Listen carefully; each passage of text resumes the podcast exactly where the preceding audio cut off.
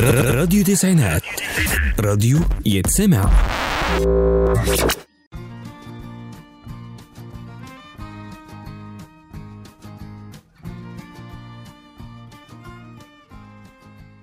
يا مساء الفل. معاكم سماء سامح برنامج خطوط دفاعية على راديو التسعينات تخيل معايا أهم خطوط دفاعية في حياتك تبدأ تهاجمك. مش الخطوط الدفاعية الخاصة بوطنك لأ دي الخاصة بيك أنت بتاعة جسمك. آه بطني وجعاني أوي يا ماما. قولي يا حبيبي أنت أكلت إيه وأنت راجع من المدرسة؟ أنا شميت ريحة باتيه حلوة أوي من عند الفرن اللي جنبنا فجبت واحد وأكلته. بس أنا يا ماما كل آكل حاجة من دي بطني توجعني أوي. لا بقى يا ماما أنا هاكل حتة الكيكة دي وهاكل من العيش ده كمان. أنا زهقت. طب وإيه الحل؟ هنتكلم النهارده عن مرض السيليا. هو مرض بيسيب امعائنا الدقيقه وبيكون نتيجة ضعف المناعة. مثلا زي الناس اللي عندهم سكر أو مرض من أمراض المناعة الذاتية أو التهابات القولون أو الروماتويد بيكونوا معرضين أكتر بنسبة من 5 ل 10% للإصابة مرض النهارده فيه مشكلة صغيرة إنه مش منتشر وده بيسبب إن كتير من الدكاترة بيشخصوه غلط والدكاترة القليلين اللي بيعرفوه بيسموه مرض الأغنياء لأنه كان منتشر أكتر في الدول الأوروبية بس كان أخدتوا بالكم من دي؟ تخيل معايا ليلة عاصفة شتوية والشتا نازل بيرخ على سطح بيتكم. يجي وقت ورا التاني بلاط سطحكم ما يستحملش. ويبدأ يبقى تراب ويتاكل وما يكونش له أي 30 لازمة. ولو ما رممناش بلاط السطح ومع السنين فجأة بعد الشر هنلاقي سقف الضوء الأخير واقع على راس أصحابه أهو ده نفس اللي بيحصل مع مرض السيليا. في بروتين بناخده مع الدقيق والشوفان والشعير اسمه الجلوتين. عارفين ده نفس البروتين اللي دكتور التغذية بيقولك قلل منه عشان تخس. للناس العادية ده ما بيعملش حاجة.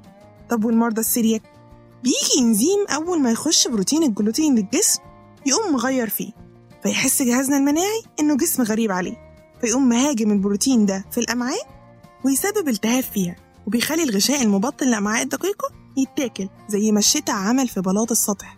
فاكرين؟ ومع السنين لو ما اكتشفناهوش هيسبب تلف في الخملات اللي بتكون مسؤولة عن امتصاص الفيتامينات والعناصر الغذائية فكأن الواحد ولا أكل ولا استفاد من أي حاجة بتخش له. وساعات المرض بيجي وراثي يعني الأب بيديه لولاده والجد يديه لأحفاده. وإيه بقى هي أعراض المرض؟ من الأعراض الشائعة إسهال وإرهاق وفقدان الوزن لكن بتختلف الأعراض حسب اختلاف العمر. فعند البالغين ممكن ألاقي فقر دم اللي هو نقص الحديد هشاشة عظام ممكن أحس بقيء. في إسهال أو قرح في الفم صداع وشعور بالإرهاق أو إنه يحصل إصابة في الجهاز العصبي زي إنه مثلا يحس بتنميل في الإيد والرجل وشعور بعدم التوازن ممكن يحس بألم في المفاصل أو ارتجاع في المريء وحرقان في المعدة. طب والأعراض عند الأطفال؟ للأسف بتكون أشد وخطرة أكتر زي إنه يحصل فشل في النمو فبالنتيجة يكون في قصر في القامة وتأخر في سن البلوغ.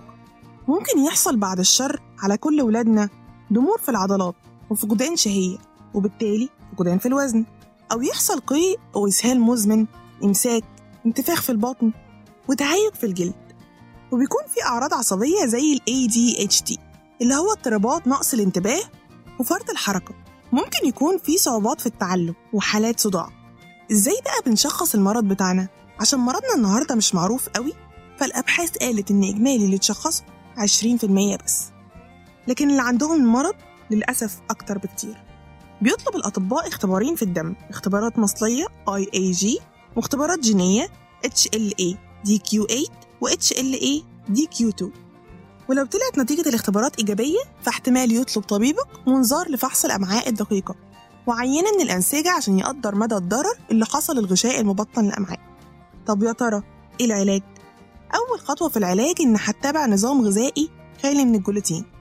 زي إنه يبعد تماما عن الشعير والبرغل والقمح والسميد والدقيق وبيحولك دكتورك لطبيب تغذية. وبمجرد إن نمنع الجلوتين من النظام الغذائي عادة بتبدأ التهابات الأمعاء الدقيقة في التحسن خلال أسابيع وبيستغرق الشفاء ورجوع نمو الخملات من جديد شهور أو سنين وبيكون الشفاء أسرع في الأطفال. طب وإيه اللي بيحصل إذا أكلت أو خدت الجلوتين عن طريق الخطأ؟ ممكن يحصل لي ألم في البطن وإسهال. وممكن أشخاص ما يعانوش من أي علامات أو أعراض. لكن ده مش معناه أبدا إنه غير مضر. ناخد بالنا إن ممكن يكون الجلوتين مخفي في أطعمة وأدوية ومنتجات غير غذائية. زي إيه؟ زي نشا الطعام والمواد الحافظة الأدوية الفيتامينات والمكملات المعدنية والمكملات الغذائية والعشبية منتجات التجميل أو معجون السنان وغسول الفم والصلصال اللي بيلعبوا بيه الأطفال أو الذرة. عشان كده ناخد بالنا من كل حاجة بناخدها ونستخدمها. ولو كانت أمعاء الدقيقة تعرضت لتلف شديد هيوصيك الطبيب بأخذ استرويدات للسيطرة على الالتهاب وعشان تخفف العلامات والأعراض الشديدة أثناء الشفاء وآخر حاجة معانا النهاردة إيه هي الفيتامينات والمكملات المعدنية اللي ممكن أخدها طبعا تحت وصاية الطبيب؟ لو عندي نقص تغذية حاد هيكون منها الكالسيوم الحديد فيتامين ب 12 وفيتامين د وفيتامين كاف والزنك. في النهاية حبيت أقول إن الخطوط الدفاعية منعتنا. ما بتشتغلش غير بعد الهجوم لكن تحصينها والكشف عليها ممكن يكون قبل ده بكتير. فحاول بكل شكل وطريقة تعرفها بين إيديك النهاردة. عرض شكك فيه أو مرض وراثي أو حتى تحليل ممكن نتيجته؟ تساعدك إنك تأمن ليك والأكتر ناس مستقبلا يهموك؟ حياة خطوط دفاعية